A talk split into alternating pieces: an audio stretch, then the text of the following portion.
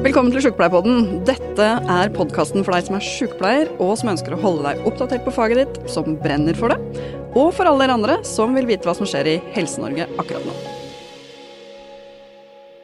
Velkommen til Sjukepleierpodden på jobb for deg. Her vil vi dele de ekte, nære og viktige historiene fra møter med sjukepleiere rundt om i landet. Ida og Vemund, det er våre to reportere. De er begge sjukepleiere, og brennende opptatt av både yrket og faget.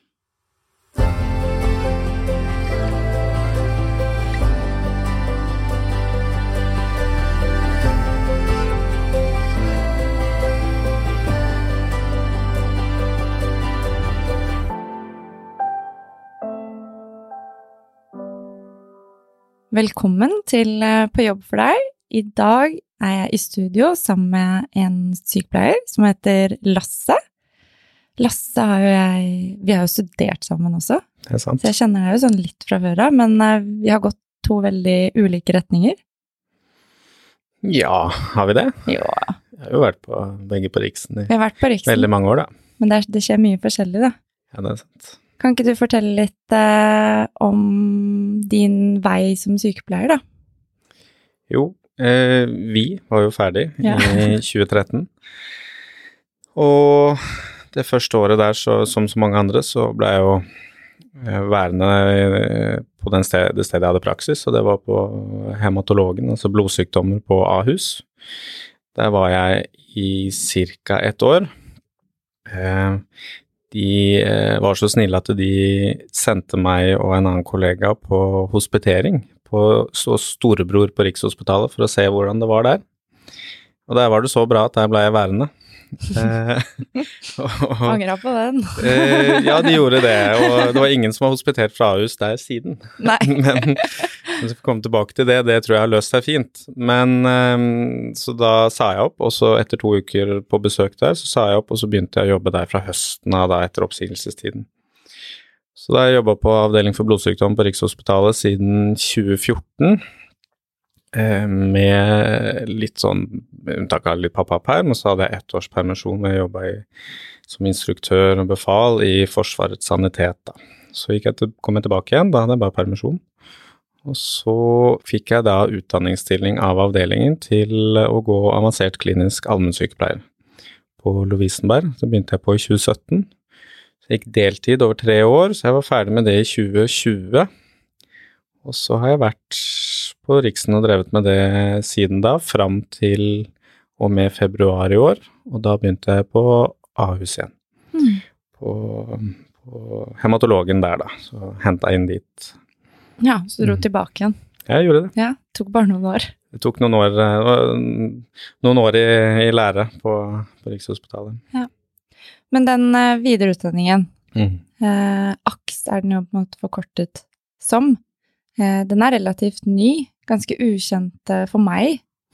Ja, både ja og nei. At den er ukjent for de fleste, det er nok helt riktig. Men det, hvis ikke jeg husker feil, så starta det, eller så ble jeg første uteksaminert fra Universitetet i Oslo i 2014. Så den, men da under avansert geriatrisk sykepleier, og de eh, har litt overlapp. Det er ikke helt det samme, men, men det var i hvert fall forgjengeren, da. Så Mm. det har vært, vært omkring en stund, men relativt taust. Og så fikk det veldig medfart i det eh, det Under forrige regjering så ble det satsa ganske hardt på det, og eh, det gikk rundt på høring og sånn forskjellig om å gi denne AKS da, eh, spesialistgodkjenning på lik linje som legene og tannlegene kan få etter å ha gått gjennom et spesialistforløp. Da. Mm. Um, og da ble det plutselig litt blest rundt dette her, og høringssvar og, og sinte komiteer og hva det måtte være. Eh, og all PR er god PR, for da var det plutselig flere som hadde hørt om det. Mm. Eh, hvorpå vi fikk spesialistgodkjenning, eh, som foreløpig dessverre eneste sykepleierspesialisering som har det. Men eh, de andre kommer, det er jeg helt overbevist om, og det tror jeg er nødvendig. Men hva, hva er det på en måte utdanningen går ut på? Det også er jo et eh, litt åpent spørsmål. Det kommer litt an, enn så lenge fortsatt an på hvor man har gått. Jeg gikk på Lovisenberg, eh, og de har et annet løp uh, hatt enn en del av de andre, f.eks. Vi hadde tungt sykehusfokus. Alle praksisene var på sykehus. Og uh, litt mindre valgfag. Og så er det sånn at nå den, ironisk nok, eller hva skal jeg si, da, den, den, den, utdanningen jeg har gått, den gir ikke lenger spesialistgodkjenning, fordi den er litt for forskjellig fra forskriften, men jeg har fått de kullingene mine og, og før og noe etter, fordi det er en sånn overgangsordning. Og Det tror jeg er ment som forstå for at utdanningene skal rette seg mer og mer gradvis inn mot forskriftens krav. da. Mm.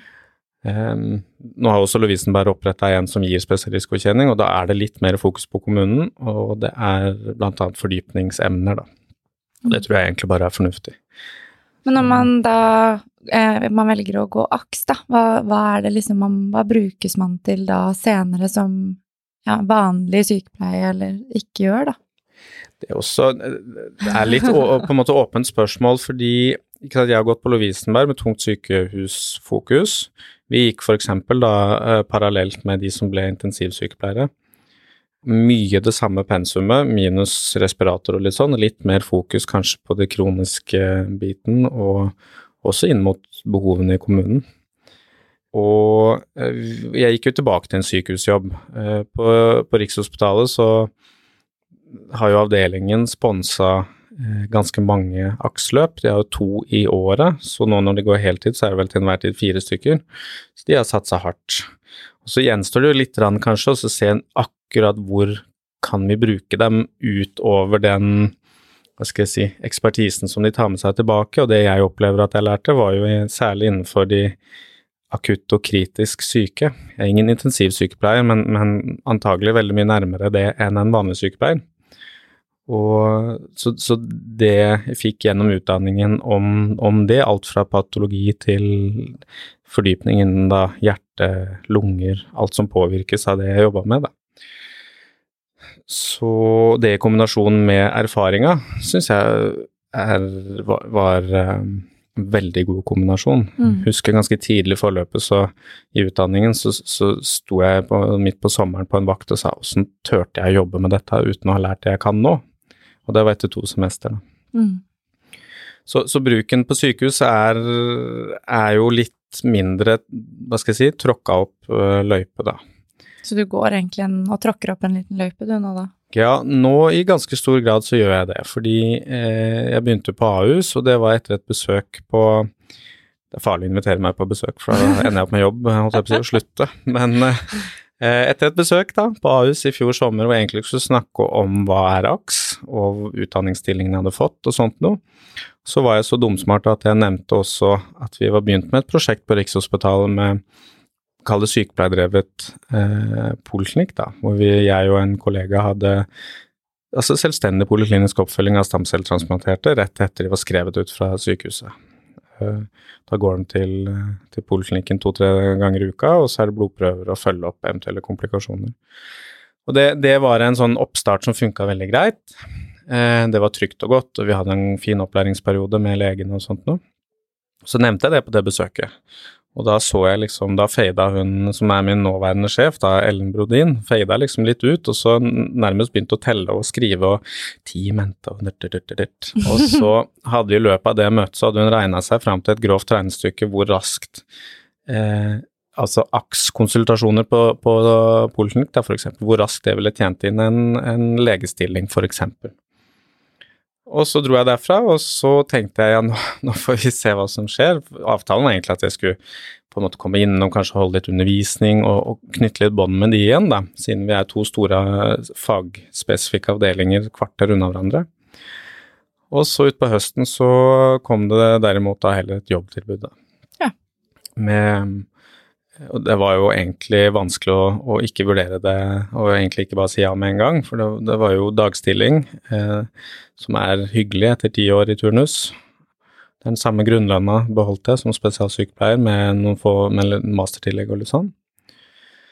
Og, men ikke minst arbeidsoppgavene. Jeg skulle inn og ha eh, En av de faste funksjonene er å ta beinmargsbiopsier.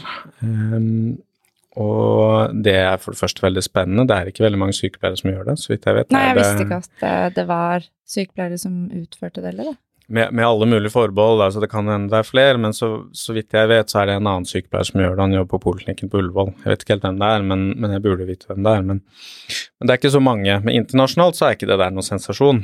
Nei. Og, og rent prosedyremessig så er heller ikke det der noen sensasjon. Men det er steget på en måte hun velger å ta.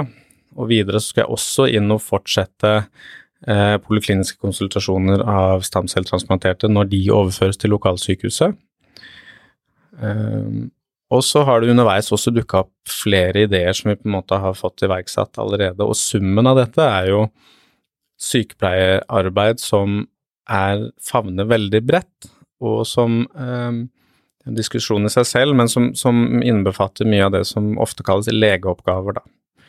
Og det tror jeg er, er noe å se på, og det tror jeg er en fornuftig vei videre, og, og da begynner vi å snakke aks summen av disse tingene, for det å gå inn og ta en beinmargsbiopsi, det kan nesten hvem som helst lære seg. Det, det handler om ikke sant, Det er som veneflon, du blir god til slutt allikevel. Men det og disse andre funksjonene, mm. å ha selvstendige polikliniske oppfølginger og sånt, og da, da, begynner vi å snakke om en bredde, og det er stikkordet for AKS. Uh, uansett om det er kommune eller sykehus. Det er å ivareta en høy kompetanse, men i bredden, ikke sant, hvor Eh, hvis vi tenker litt sånn klassisk disse vi kjenner fra sykehus, da, så har du sant, du kan gå anestesi, operasjon, intensiv. Så spesialiserer du deg. Du blir jævlig god på eh, et litt snevrere felt. Men så har vi kanskje mangla litt den som ivaretar bredden utover det en, en sykepleier får gjennom bachelorutdanninga. Og, og, det er litt clouet med en aks. Ja, Så du blir på en måte et slags mellomledd mellom en lege og en sykepleier i oppgaver du utfører, da? Hva er det de sier? Skjært barn blør mye. Nei, Jeg har mange navn. um, og Skjært barn blør mye.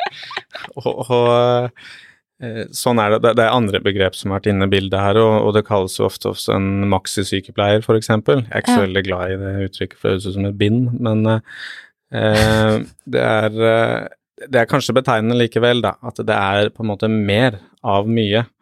Jeg, jeg, på, jeg er jo ikke i nærheten av innenfor kardiologi det en kardiologisk sykepleier er, og intensiv, det altså snakkes.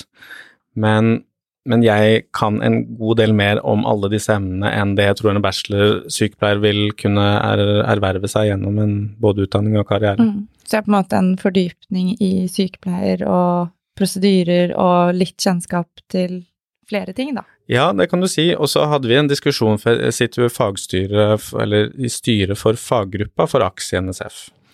Og så har vi til jevne mellomrom veldig fine, gode diskusjoner, for jeg prøvde å lage en modell som, uh, som illustrerer dette her. Og den var vi sannelig ikke helt enig i. Nei. Og det tenker jeg er jo både veldig positivt, og, og det gir jo at vi, vi jobber jo fremdeles med oss selv, ja. og klarer å definere det veldig tydelig.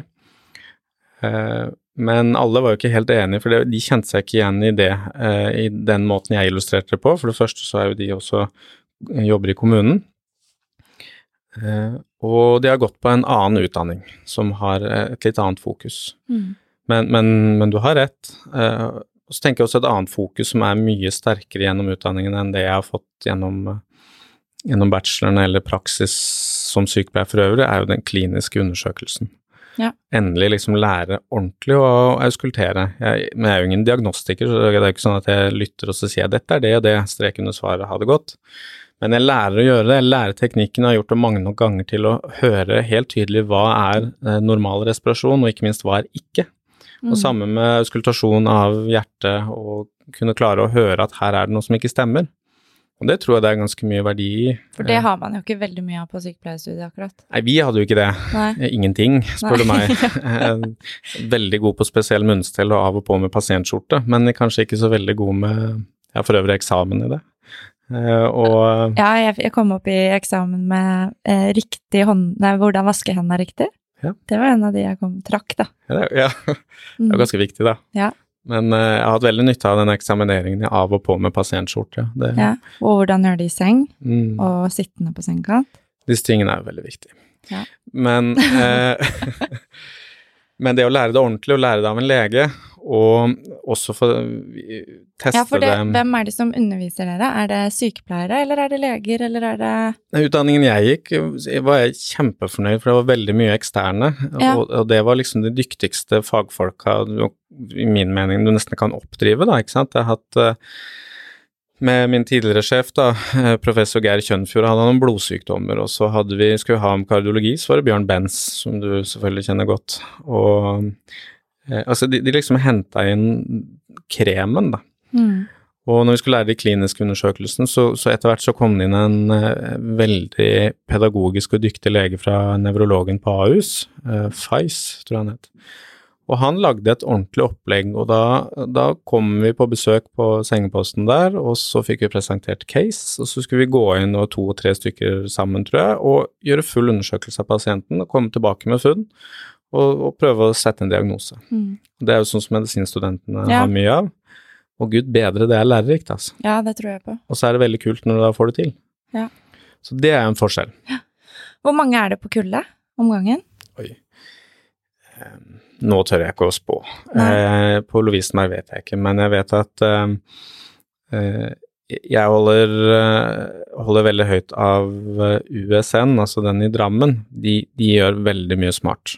Ja. Veldig mye riktig inn i utdanningen sin. Der, der er veilederen i praksis er ofte legene, osv. Der skjønte jeg at det er nå veldig mange søkere per Mm. plass, og det tror jeg egentlig bare vil fortsette. Ja. Eh, For vi har litt rev i seilene nå. Eh, Det er kommet to rapporter hvor i begge to så er eh, allmennsykepleier, da, eller eh, nevnt eksplisitt. Og særlig den siste rapporten da, fra om eh, allmennlegetjenesten, så er det jo vi, vi feira litt, fordi der er det eh, tatt inn mye i den rapporten over forslag til tiltak man i hvert fall bør vurdere, som vi har snakka om og, og, og si, kjempa for i en god del år nå.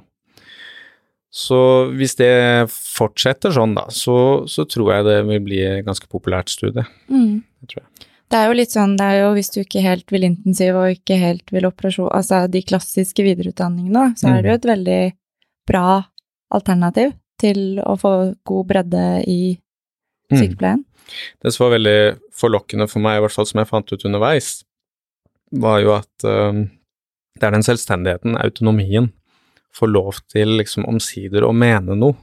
Og, og, og, og du og jeg og alle andre sykepleiere har jo stått i en eller annen situasjon og liksom Dette er jo det, men, men du kan liksom ikke nesten våge å for, altså, foreslå det engang. Ikke, ikke overfor legene, de alle jeg jobber med, er, er bare superkule på det.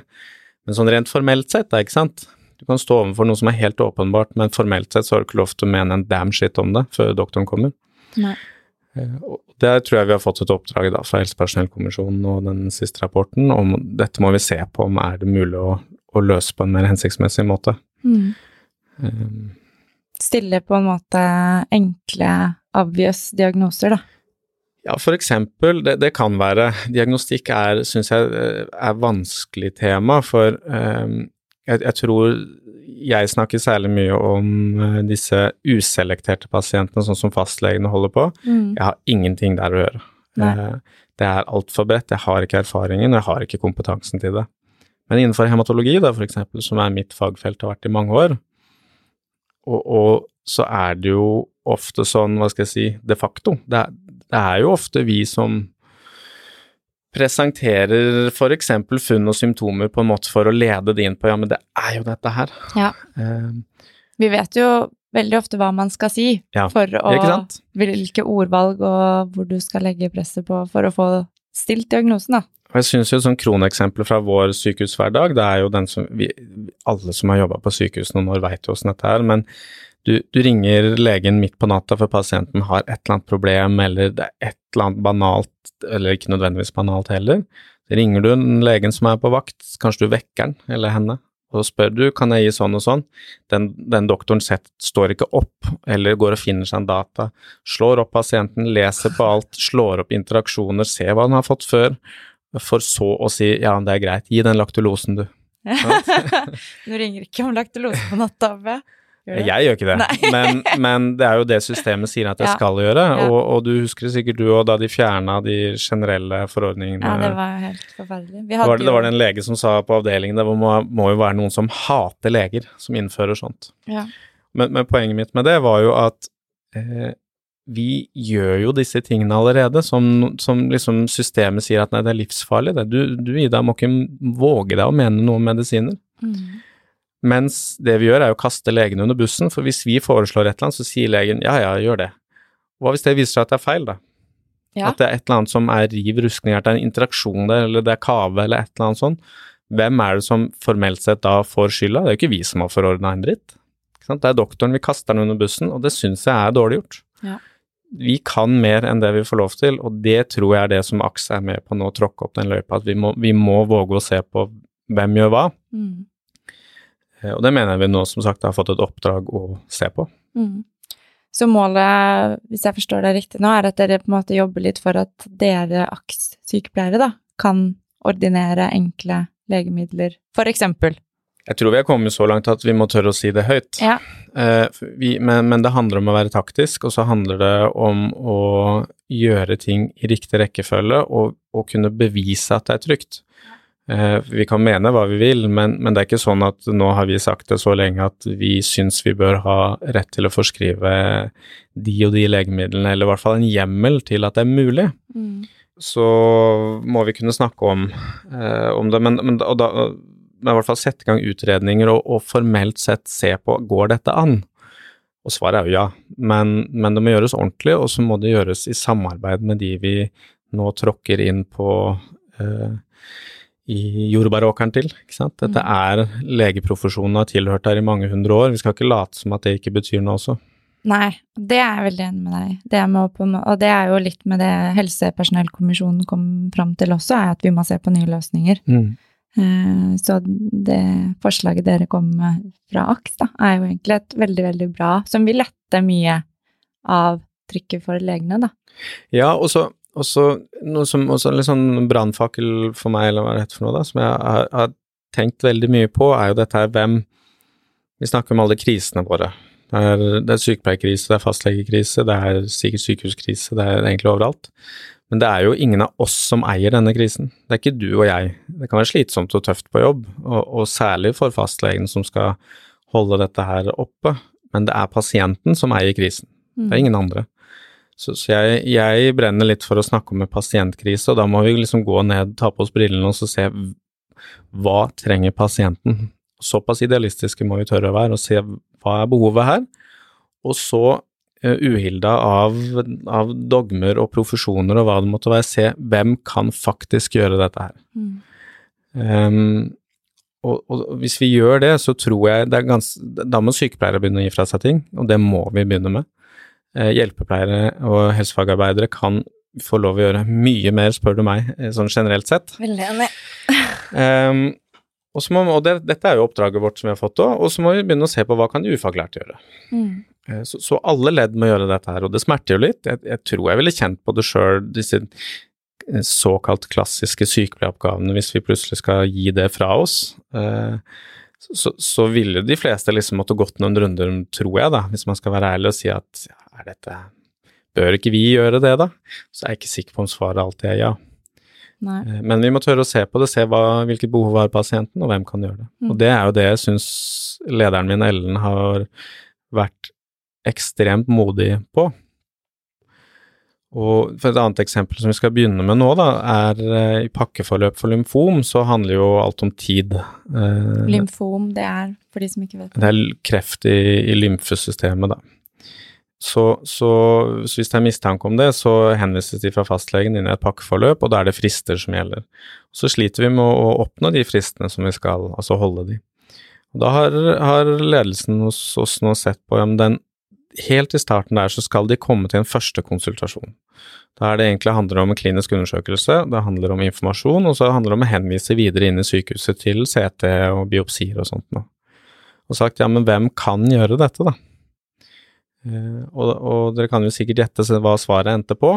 Eh, og, og da tenker jeg da, da begynner vi å jobbe smart. For da de legepoliklinikklistene er så, de er så lange, de har så mye pasienter på listene sine. Og så selv den ø-hjelpsfunksjonen som egentlig skal dekke opp om dette her, er jo full liksom to uker fram i tid, kanskje, fordi alt annet må settes der. Mm. Så da er du på brudd allerede der? Da er vi på brudd ganske raskt. Mm. Så da ser vi på ja, hvem kan gjøre det, da? Ok, en aks kan gjøre disse tingene her.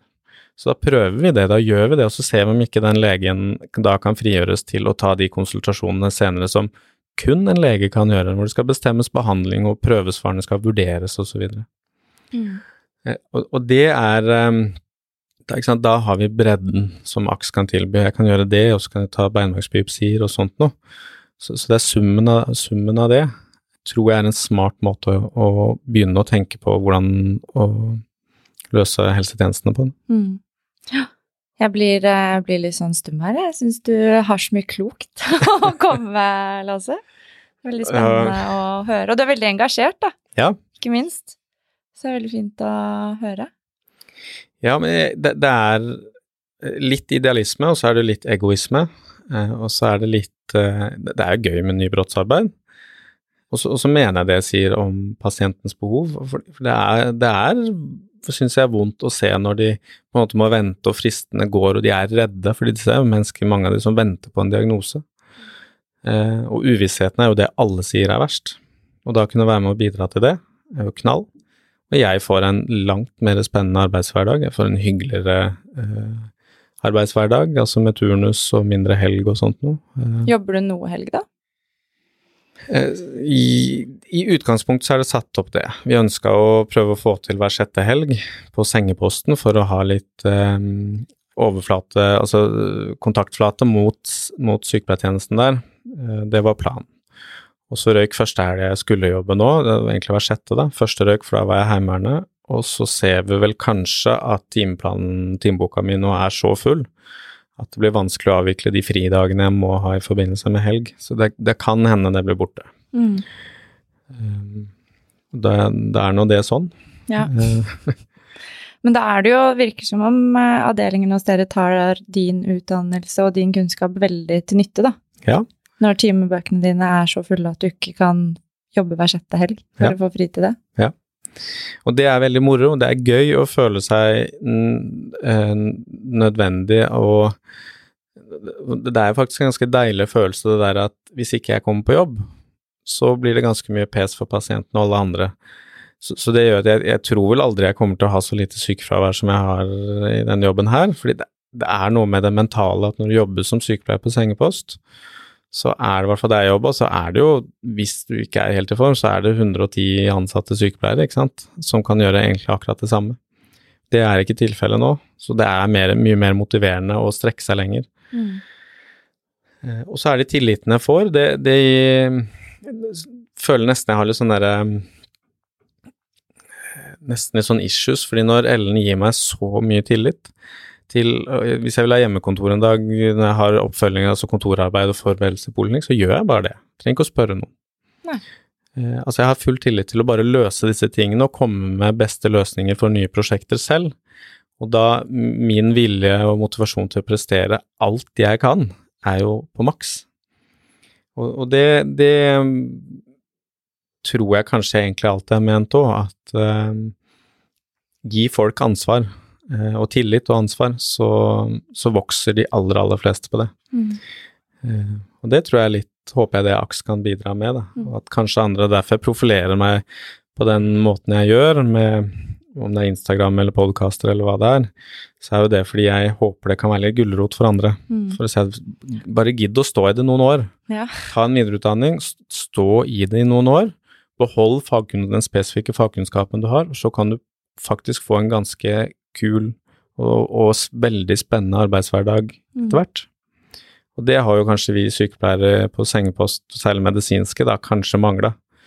Du kan veldig enkelt være ferdigutdanna, og så slutter du når du er pensjonist, og så gjør du egentlig det samme, sånn formelt sett i hvert fall.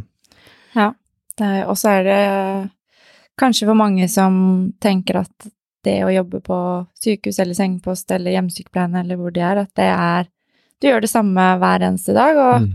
gir lite motivasjon, da. Så det å Kanskje noe av grunnen til at folk slutter i jobb også, er, kan jo være en av årsakene. Jeg tror det, og det, det kom en rapport for ikke så lenge, ja, noen år siden om AKS i sykehus, for de lurte litt på om burde man ha en egen en for sykehus. Hvor i hvert fall vi mener, og jeg tror rapporten konkluderte med at nei, antagelig ikke. Det holder med den vi har, og så kan man etterutdanne seg, eller hva, hva som trengs. Men der, der, skriver de jo også dette, de som har utredet, at flertallet av sykepleiere på sengepost, de er uh, unge jenter. De er nyutdanna, så står de, flertallet, da, står i jobben i to-tre år, og så er det sikkert en kombinasjon av etableringsfaser og, og vil jeg tro en god del, ikke orker mer, så slutter de. Eh, så det store flertallet av de som, sykepleierne som skal ta vare på tross alt de i hvert fall somatisk sykeste pasientene vi har, er også de ferskeste sykepleierne vi har. Mm. Så det å ha noen insentiver og noe som gjør at folk tenker at dette er verdt å stå i noen år, og så kanskje bygge på min utdannelse, så, så jobber jeg fortsatt med faget, men jeg har mer tillit, jeg har mer ansvar. Eh, det tror jeg kan være en gulrot for mange, da. Mm. Har dere på din avdeling noen i AKS videreutdanning nå? Eh, ja, det er en som går, men Ahus valgte i år å ikke gi utdanningsstillinger til AKS. Ja. Så det er jo egentlig fint, for da har vi et mål til for neste år. Ja. jeg skal jaggu sørge for at de eh, ser verdien i det å ha noen akser, da. Ja. Men det er i hvert fall en på avdelingen som jeg veit går på USN, eh, og på en måte sjonglerer det med, med, jobben han har der, da. Ja. Um, men eh, Det er jo noe med det å betale en videreutdanning av egen lomme, det er ikke alle som har muligheten jeg hadde ikke hatt sjans. Jeg hadde ikke hatt sjans. Så det, det, var jo da en fantastisk avtale med avdelingen på Rikshospitalet. Eh, at de betalte jo alt. Jeg har ikke én krone utlegg for den masteren. Eh, og det Men du gir jo mye tilbake etterpå, da. Det er det. Jeg jobba ut bindingstida mi, som de har etterpå på to og et halvt år. Uh, og ikke på grunn av bindingstiden, nei, nei. Men, men, det beholder jo kompetansen en stund til, for da, da har du dem i de to åra de går. Uh, nå, nå, går de med heltid. Og så har de to og et halvt år etterpå. Og, og hvis det da også liksom blir spennende og, og, tror jeg, funksjoner litt à la det jeg driver med nå, så tror jeg du kan risikere å beholde folk. Mm. Uansett hvor det er. Og det Det er jo en risiko å ta, da. Det tenker jeg den, den, bør vi ta. en risiko som er verdt å ta, ja.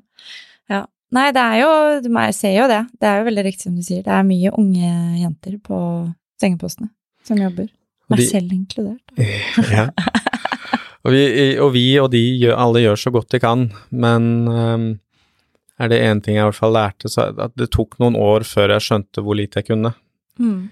Uh, og jeg vil sikkert ikke være mange som er uenig i at jeg var sikkert jævla høy på pæra og verdensmester da jeg var ny. Du var jo og, og litt det... verdensmester på studiet Ja, det er klart. Ja. Du, altså, det var jo alltid Det var ikke noe spørsmål om hva du fikk i karakter. Nei, men uh, Nei, det, det, kan jo hende. Men, uh, det husker det var liksom Hvis man var usikker, så gikk man til Lasse. Så du har alltid vært veldig inne i faget og interessert i faget. Ja, ja det, kan, det, kan, godt uh, være, og det syns jeg er moro. Jeg, har alltid hatt som ambisjon å være den man spør om, spør hvis det er noe mm. man lurer på. Men, men, det er det skillet mellom teoretisk eh, akademisk kunnskap og erfaringsbasert kunnskap. Ja. Og der husker jeg fikk meg noen sånne kalde dusjer som sikkert alle får, eh, da jeg begynte. Så var det min første akuttsituasjon, liksom. Altså jeg blei jo Jeg var fornøyd fordi jeg klarte å gå og hente en oksygenmaske. Ja. eh, det var det jeg hadde overskudd til, ikke sant. Så så man skal gjøre seg så vanvittig mange erfaringer før du har is nok i magen til at pulsen ikke går opp av, av akuttsituasjoner, og at du liksom har overskudd til å se hva som foregår.